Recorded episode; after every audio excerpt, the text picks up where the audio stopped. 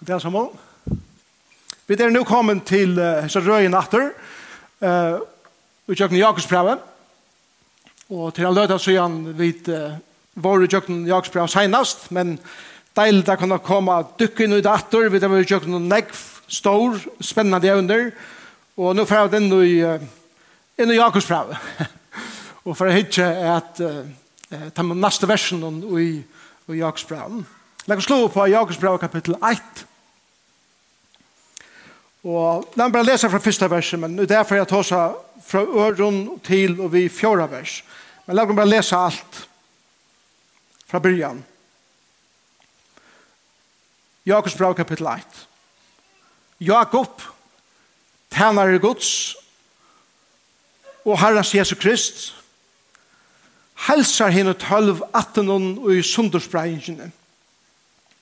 Brøder mine og systra mine, Røkken der for bedre glede ta ui tid genga ui jøkken allskins frestingar, eller året her er løyingar, rønter i løyvenen. Tid vidar jo at ta ui trygg tikkara vere rønt virkar til tål. Og let tåle leia til fullkomme versk så til kunne være fullkomner og heiler og ikke vantar å tja tikkun. Og at det er evne som er det, og i utskriften i uttalen som er det, gleden og i løyengun, gleden og i røyndun. Og til tog seg kanskje, ha, er så blevet pura sjukur nu, altså er noe glede i løying, er noe glede i affære som kan tro på tøyer, og flere av dere sitter her der. Og det føles som om at livet er vent av renkene. Det føles som om at de færre tjøkken tøyer, som er troplar, som er herrar, til vi ikke kan vi venta, de føles som at det er fri om fattelen. Og skal det være glæver om det. Sier det det som Jakob sier her, Bent? Da jeg leser det først, så var det ikke som mer enn svekker. Han skriver til brøver og systrar, som vi tar så om senast, vi får ikke om jagsbrevet, som vil ha nødt at flytja fra sin heime, fra sin bygd, fra sin bygd, fra sin lande, flytje ut i andre land tog at støvene eller omstøvene er så troplar og at ætsøkene mot dem er så store at de må leite ærestene og i måte sin egna vilja. Men være krøst ut ur de trygge omstøvene som de eh, lever i og Jakob sier glede som det sier Jakob don't worry be happy. Er det det som han sier? At, at vi, vi skulle bare akkurat som bare slå det hen, eller, eller skulle være sjukere igjen til og si, «Yay! Jeg får ikke noen jævla løyngar i løyven!» Er det det som han sier? Så er det viktig for meg å si hva han ikke sier. Han sier ikke til at har vi ferdig og trobla tøyer og, og rønter i løyven, så skulle vi jubla om det. Han sier, han sier ikke at helter at ta i færre som løyengar så skulle vi bare på en måte krøsta fram en kjensle av at du er så redde glæver og, og ta falska ut. Han sier helter ikke at ta i at jeg er færre som noen eh, tøyer ta i færre at vita at jeg har finnet en alvorlig sjuk og at jeg bare jubler om det. Han sier helter ikke at ta i vitt høyre at bøttene tjokk okra grannen. Her er jo en troplare, storare vannlokken Jeg vil bare si, å, prisa herren er fyrt. Det er heller ikke det som han sier. Han sier heller ikke at ta i færre i tjøkken i minst løyven om om vi være saksøkter, eller om vi ikke arbeid, eller om vi er tjøkken tjuna kylna, eller om vi er ætsøkter, så vi er så sier vi, fint, nå får det her en fest, og vi får feira det. Det er ikke det som Jakob sier. Og det er ikke båtskaperen, og det er som han sier. Hva er det som Jakob sier? Sverre ligger i vers 3 og 4. Det er grunden for det at i løyingen og løyven er kunne si at understreimeren i min løyve er en grunnleggjande glede lykka mykje hvordan omstående er tog at jeg vet at dette gjør vi med. Og hva gjør det? Jakob sier så leis og lete tåle eller til videre jo at ta og i trygg tikkere være rønt virkar til tål. Vi ørner om til et enda mål vi rønte nøkker livet. Til et enda mål at dere trygg av Jesus, dere alida han, stendur sina rønter, Herren prøver okken av, og vidar hva for material vi gjør det av. Og enda mål er at har vi et færre utgjøkken tro på tøye løyven, så hever denne, så hever denne urslit. Det første ørslutet er at her viskar tål, så er en leie tåle til fullkommet versk, som så er en leie til at vi kunne være fullkommen og heil, og at ikke vantar av tjaken. Det er at jeg er nøkte vi til steg som jeg er, og er, og er kvile og i tøy. Fullkomlige, motsatt fra tøy som anden og i hessen heimen tåsar. Og vi tar seg om det her senest. Jeg tar vi færre i kjøkken i imens så er det som, akkurat som Jakob for vi viser nå, er at frestingene som er, som er helst vil bare få ting ordne er i store ansøkning til det som Gud sier, hette det som jeg ikke bruker, hette her til. Så jeg, jeg vet ikke så tid her at jeg tar, jeg hittir at dere samfunnet og heimen og hele tiden, ta og i trobla tøyer kommer i akkurat løyf du har rakt av den løren, så er hukkboren tann at slepp der på ur her som sjåltast. Hvor at jeg kan heve finnes kraft i høy på henne og sier, jeg får ikke tekka blettur til det vil heve høy på henne. Ønsken. Det er det første som vi gjør, huksa beina om hvordan kan jeg slippe av i hese ringe kjenslene som vi har i livet. Hva kan jeg gjøre for jeg latte om det? Hva kan jeg gjøre for at onker kan hjelpe meg at, at, at leie meg forbyte det? Og jeg sjølver sier meg sjølvan til holdt i meg sier Hugsa nu om du sjølvan fyrst og fremst. Ikki bare hugsa om ånder, hugsa om at tu er i nei og tu er nøytter til at tega kan sti til at bjerga det besjuret som, som passar. Men ikke alltid. Og vet du hva djevelen sier? Ta i fyrir tjung trobla tøyer løyvnum og jeg tar så vi folk atter og atter som sier etter og det er jeg føler god til å vente meg bætjen. Jeg føler god til å fære fra meg. Jeg føler god er ikke avhåver i meg. Og tannrøtten er en satanisk rødt som sier god heta det. Og så sier Jakob, gledest, eller rokken derfor er bare glede, ta i det færre tjøkken allsjens. Legg meg ikke til, ikke bare nekker, allsjens, et møvlig slø av trångton og lyingen og i levende. Ta i tantrykven, som fer i jøkken elden, og som stender i jøkken elden, vil en trygg som virker tål. Er det tålen? God lemmer tål, og la det være nå! Så jeg ser øyelig ofte hukk for en sjaken. Tål er et år i Bibelen som, som ikke er endelig vidt her, er at tålen er bare sånn du bøyer alle tøyene. Det, det er et aktivt år. Det er jo nægget vi at, at tåla er av, at tåla noe av som, som sender mot dem meg. Det betyr at, at blod er mer og mer sterskur, mer og mer vaksen, mer og mer seier, mer og mer avhaldande, mer og mer trestur, det stinner, eller knavord og i løvnen. Det er det som det betyr.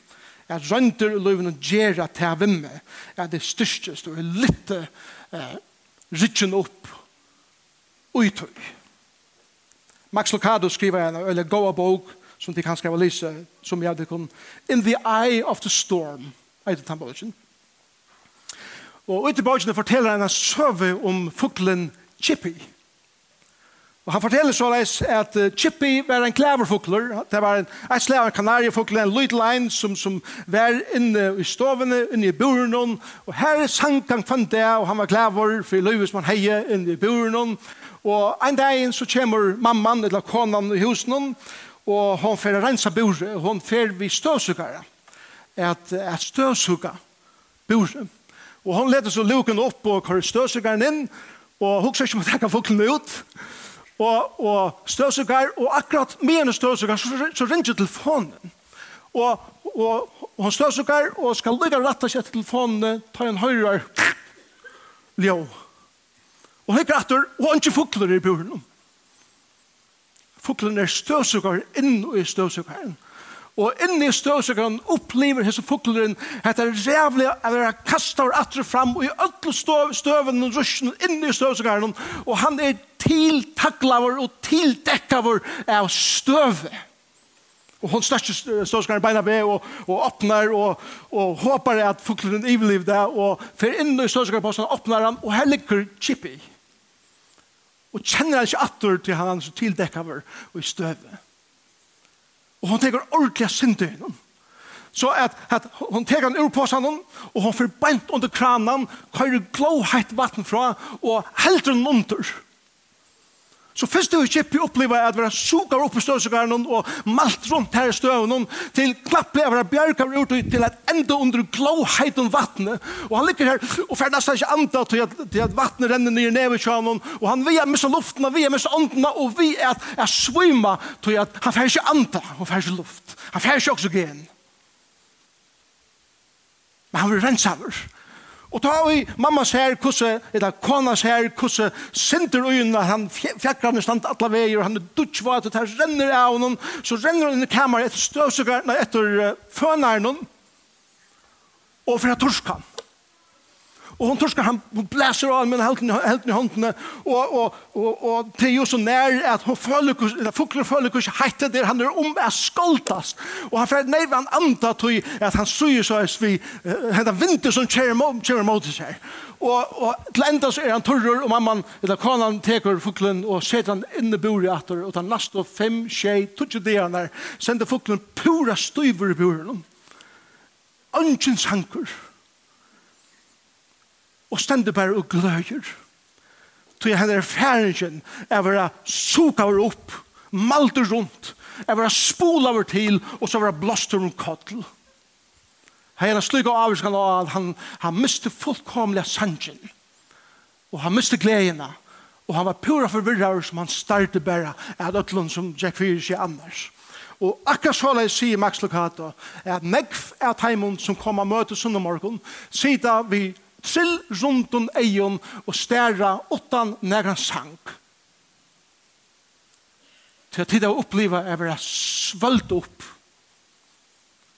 og vera spola i til og er vera blåst om koll. Og til halda er at god hev slepp mer. God til å suka meg opp. God hev spola meg ut saman og sunter og god til å blåste meg om kall. Og til sitte her i morgen, og vi sitte her i morgen, utan en sang, utan en lovsang. Til vi halda er god, legger han ikke ui med. Når jeg kan sitte her i dag, og vi er barsk, om hvordan livet har utartet seg. Nega av oss sitte her i dag, vi er vrei, vi er å, Vi er fotle vreie, vi er fotle øtta, vi er fotle i hætre, kanskje som er fotle lygasæle, som er vonleis, som er maleis, unga sang. Til vi halda god, til vi suka meg opp, spola meg sunder saman, og blåst meg om kall. Er det det som Jakob sier i hese versen om? råkne deg for å bære glede til du kommer og i ståsugaren under kranen og blåst til. Til videre jo at ta et trygtikker vil rønt virker det tål. Og la det tål og leie til fullkommen versk. Så tid kunne være fullkommen og heil og ikke vantar av tja tikkum. Så vikna har vi lyse om ørnene. For jeg bruker en illustrasjon om hvordan jeg halde naturen, Guds skapende versk. Gjør dere så vegra mynde av hvordan Gud arbeid i løvnen til dere som hans arbeid. Ørnen er en fantastisk fukler. Ørnen er en av de store og sterske fuklene. Ørnen er en fukler som ser som fager som hever eit endamål hvordan hun oppæler sine unger. Og vi har langt hørt om Edgy i morgen, og jeg les om, om ørnene, og hvordan hun fer vi Edgy og sin unger. Og da jeg husker om ørnene, så, så er Bibelen full av mynden om ørnene, og som en, en illustration av hvordan Gud teker seg av sine bøttene. Til dømes leser vi det 5. Mosebok 32, 11, det første slå det opp. Her sier han så leis, som ørnen vekur reiersøyt og sveimar iver ungensøynen. Så leis breitte han, altså god, vantjersøyner, tok han opp og bær, bær han av flå fjæren, eller vantjersøynen. Det første som ørnen gjør, ta og hun har lagt etter, er til at som Ein og hver annan fugler sitter hun, hun ligger av etjenen. For at etjen kan få akkurat den rette temperaturen, for at ungen kan, kan bonas og vekse inn i etjenen. Men tøyen kommer ta og er jo fugler av hoa lebo av, og hun reiser seg opp og hun verger dette etjen. Vi sønne løyve. Og til mynden som vi må heva, først og fremst er god til akkurat løyve, er god ligger av okkon som en ørn og verger sitt egg. Og han hever et djupt hjärsta fyrir tunnar velferd og fyrir tunnar boning for at du kan bli en vaksen kvinna og vaksen maver som tårer og klarer å standa ta i rønder koma og i løyve. Men tøyen kommer ta og i ungen skal ut og ørne veit er at hatta er en fer som ungen må sjølver av. Vi har det eisen i søvende og Janne, at Ørnen hever alla makt og alla myndelaga og kan godt prika et lite hål og etje for å hjelpe ungan ut, men hon veit eisen at om vi gjør det, så kommer ungen ungene ut. Så at det er bardeien for at røyna og bli sterske nok til at bråta skal innanfra og, og språta seg ut i jøknum etje, som djever ungan styrkina til at kunna komme ut ur hesne etjene som han, som han bonast inn i. Og, og jeg leser at ta ui så ungen kommer ut og han klarer endelig ut ur etjene, så, så bryter han skale så leis at det skale som han over livet i ui i etter viken der, blei nu til måttan som han søgjene ligger av i reiren. Tog jeg at reiren ikke selv er gjørst av straje og greinen og så videre, og sånn liten unge kan det være sånn det at litt av. Tog er skjale hans herre madrass. God veit at han kunde godt hjelp til og på sjur imenskon situasjonen som til å finne det i livet. Men han gjør det ikke. Så han veit at om man kommer til til hjelper og i hæsen støne som du er av og i tøy omraven, så dørs du. Så at det er nægre kamper som vi må berges sjølv. Og han hikker et og hepper. Og legger seg av for jeg vermer henne, med en kamper en gang inn i fyrirse. Og så med oss halta. Ja, det er støvann som jeg er bare nå, hever god, vent meg bæt jo, han hjelp meg ikke, og det som god sier vi til, og i sånn år i er etter. Ja, det er fyllt vi, hva du strøyest vi, men hattar skal du gjøre ensamødl. Eller ensamødler fyrir at han bardain tar du teker og arbeid, og du teker noen sti til at, at sykja fyrir at du mennest, så blir du størskare, som mennas musklaner, som gjeva til kraftna til, til nemlig at tega nasta stie, og ta ver ein sier som du opplever løyven, og tan sieren bliver hentan måttan som du nu kan bytja løyven av og sier, jeg klarer jeg etter. Men jeg vil kunne gjøre opp til å halte at jeg til ikke føler god, alle tøyene kommer og hjelper meg, alle samle tøyene, så gjør han vet meg bedre. Men det gjør han ikke. Han hikker etter det her, og mer, hvordan vi strøyast, og han hepper dere, og ikke dere til å ta initiativ og arbeid, for jeg tåler det knoa ui dere, kan bonast og du er størst. Men vi er det for Så er det neste sted tja ørnene. Og til dette er at fugleren, ungen, skal ikke være verand i reierne. Jeg mener, hva er fugler skapter til? Et flikva. Så han er lydel lunge, og han gonger her i reierne, og, og, og mamman, hun flyr atter fram og gjør henne med, og, og alt det er en parser av øtlån. Men så kommer tøyen. Ta i ørne sier, nå tøy jeg færre gjør hesen reierne.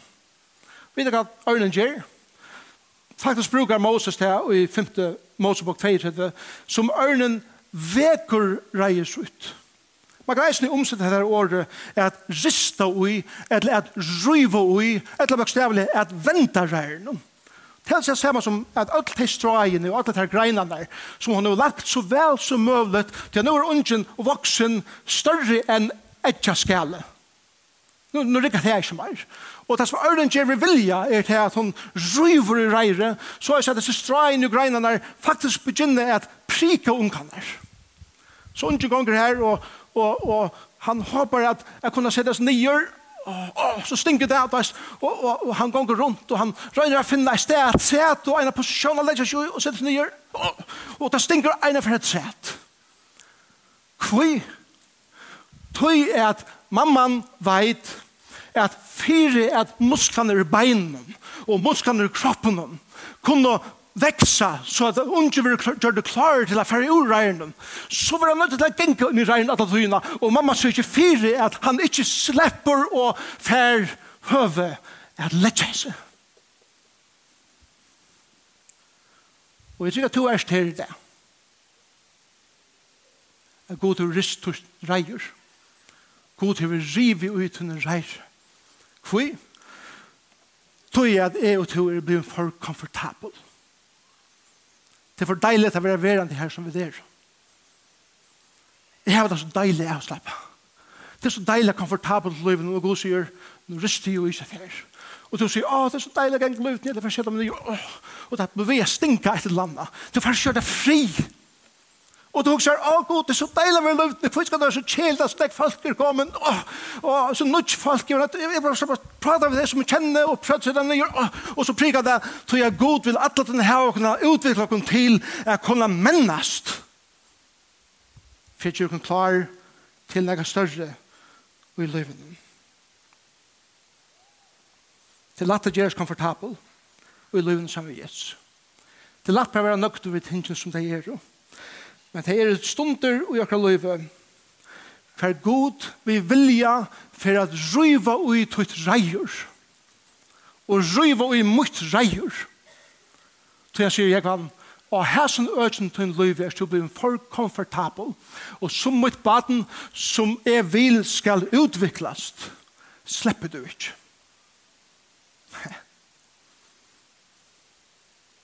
og det føles nesten åreint at henda mamman som hun sitter og etkjen noen hun varvet det. Nå blir jeg gjøre ting for hun ikke føler seg ikke vel, og han føler seg at, at her er ikke frigjør. Men til det mamma vet bedre. God vet bedre eisen i tøynen løyve. Og så sier han i vers 4, og la det tåle leie til fullkomne vers, så tykker tykken være fullkomner og heiler og ikke vantar og tjatikken. Jeg være fullkommen betyr ikke det jeg være perfekter. Det betyr heller ikke å være perfeksjonistisk.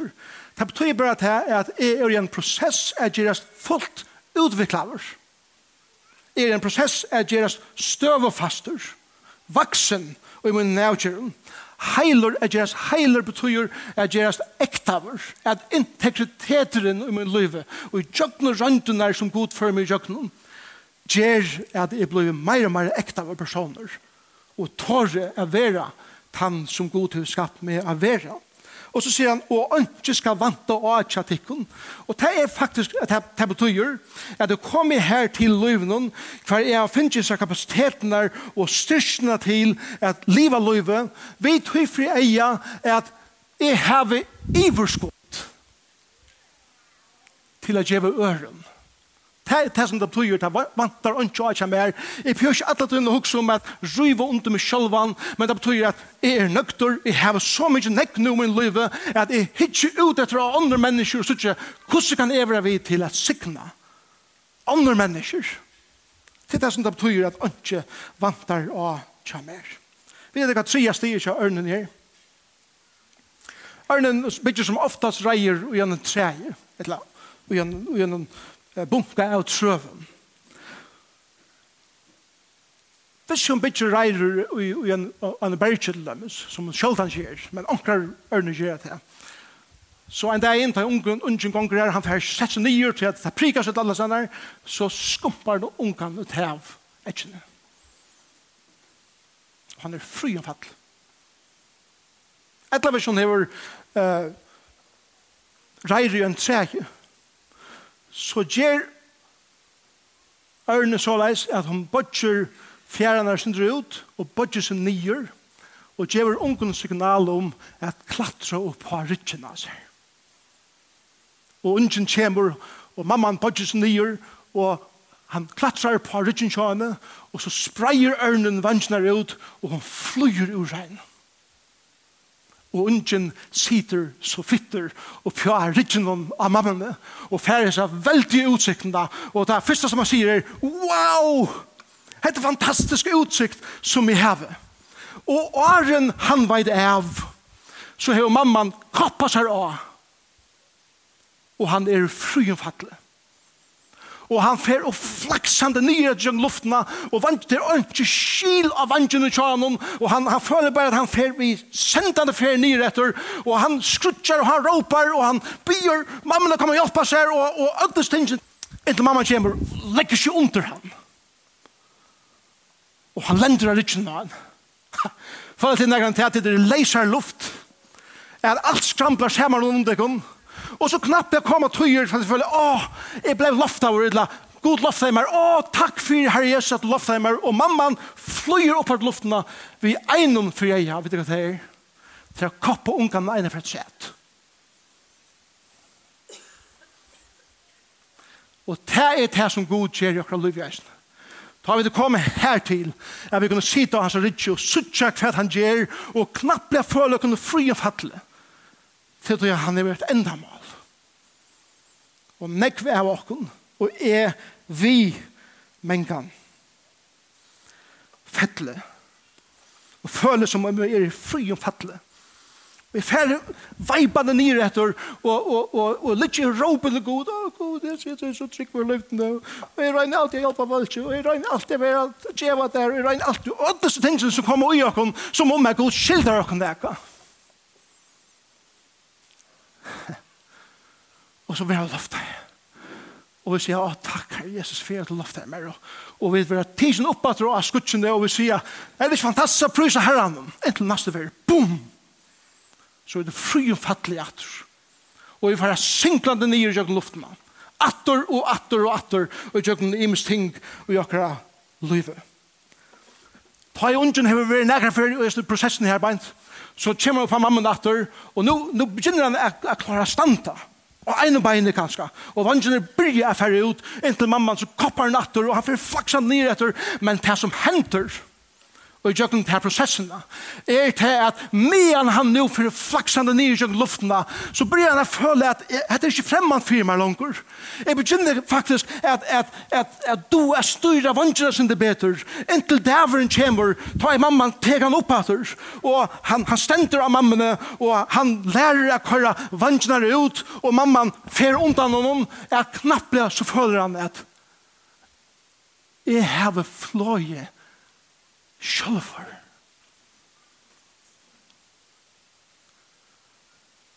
Og jeg begynner nå at, at du er beveget meg i hessen her løyven om at ta og jeg er i fri og fattle så veit jeg fra erfaring og tjøkken år, tjøkken år hvordan god arbeid i min løyve og hvordan jeg klarer jeg å lofta meg bedre og bedre i øtlen tog som er ferdig i tjøkken og i løyven om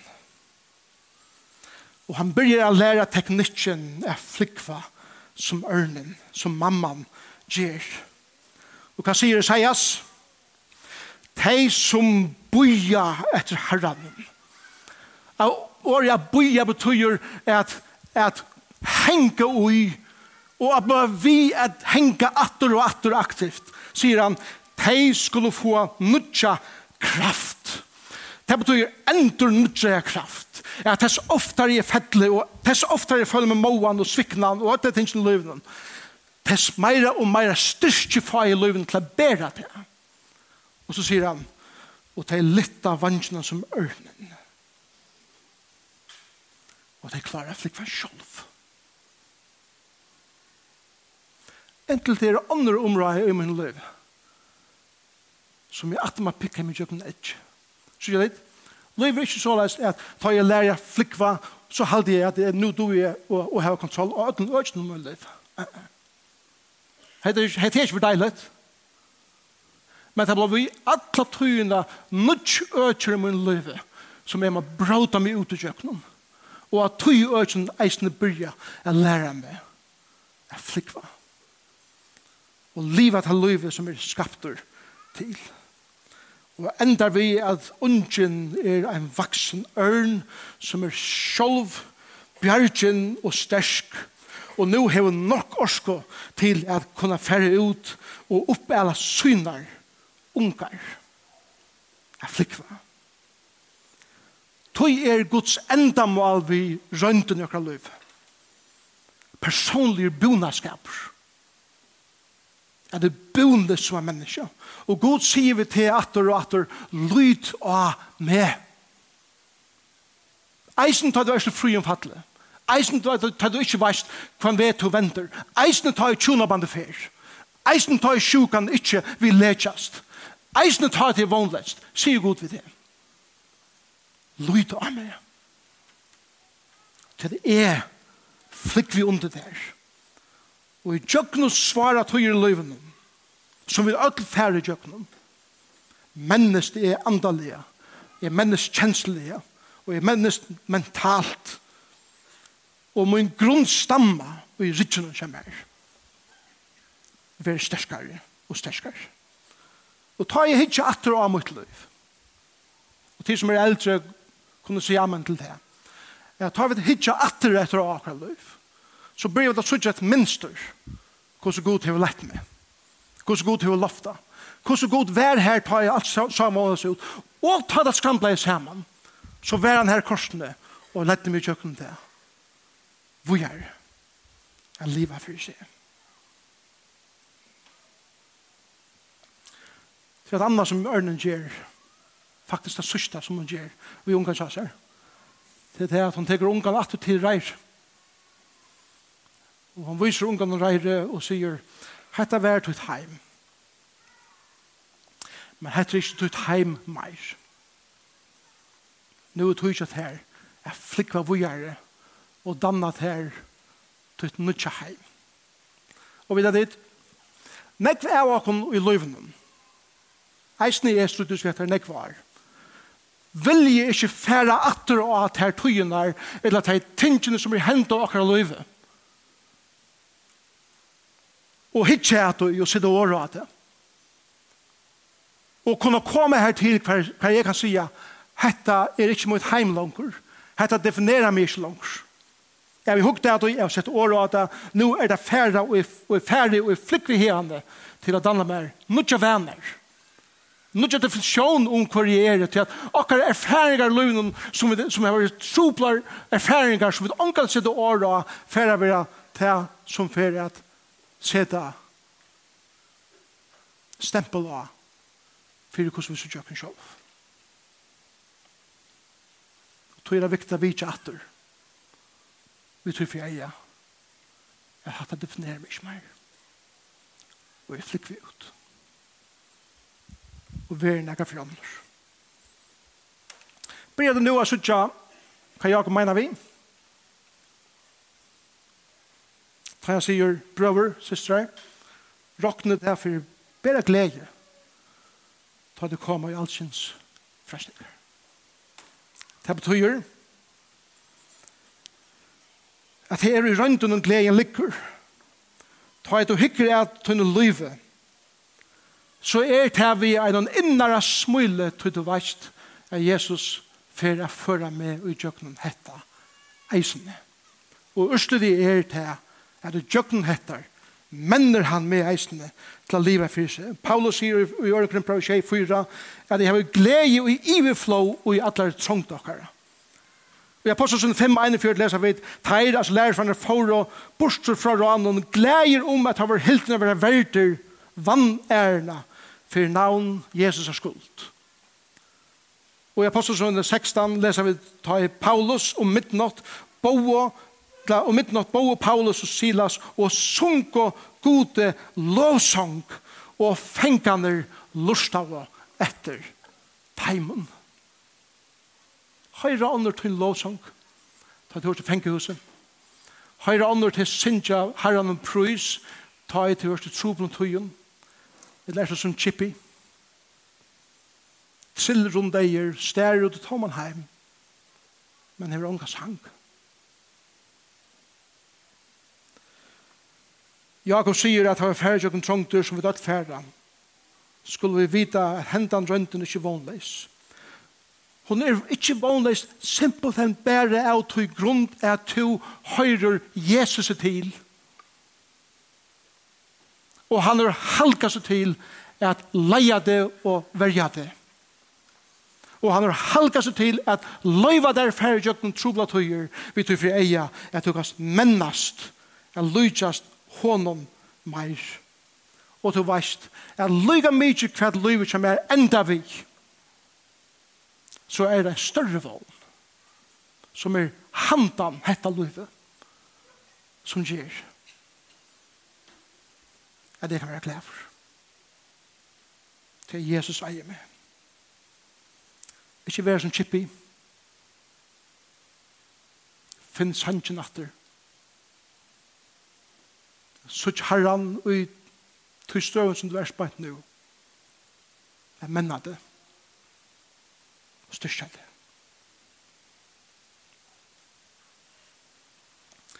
Få en av nødja mynda av gode. Hvis verst er det at du heldur av god, ikkje gåver. Så halda ungane til at jeg ørne ved kvarsteitsene mamma som vardi hans etkjene. Nå knapplega le, leter leder ungarna færre kjøkken luftena vi synklande fyrir nye etter. Men da du kommer kjenne mammana, så vidar det kvoi. God er gåvor vi til. God er gåvor. Sjalt om det føles vi først, som om han er beinleis og regner. tær til tutt og mer til mitt besta. Ikke være som heimeren som sier fiksa det. Ikke lort etter sjolven som råbar jeg har ikke fortjent dette. Og lort ikke til Satans rødt som sier god heta det. Men høyr Herrens rødt som sier jeg elsker det. Og jeg tar ikke meg av det.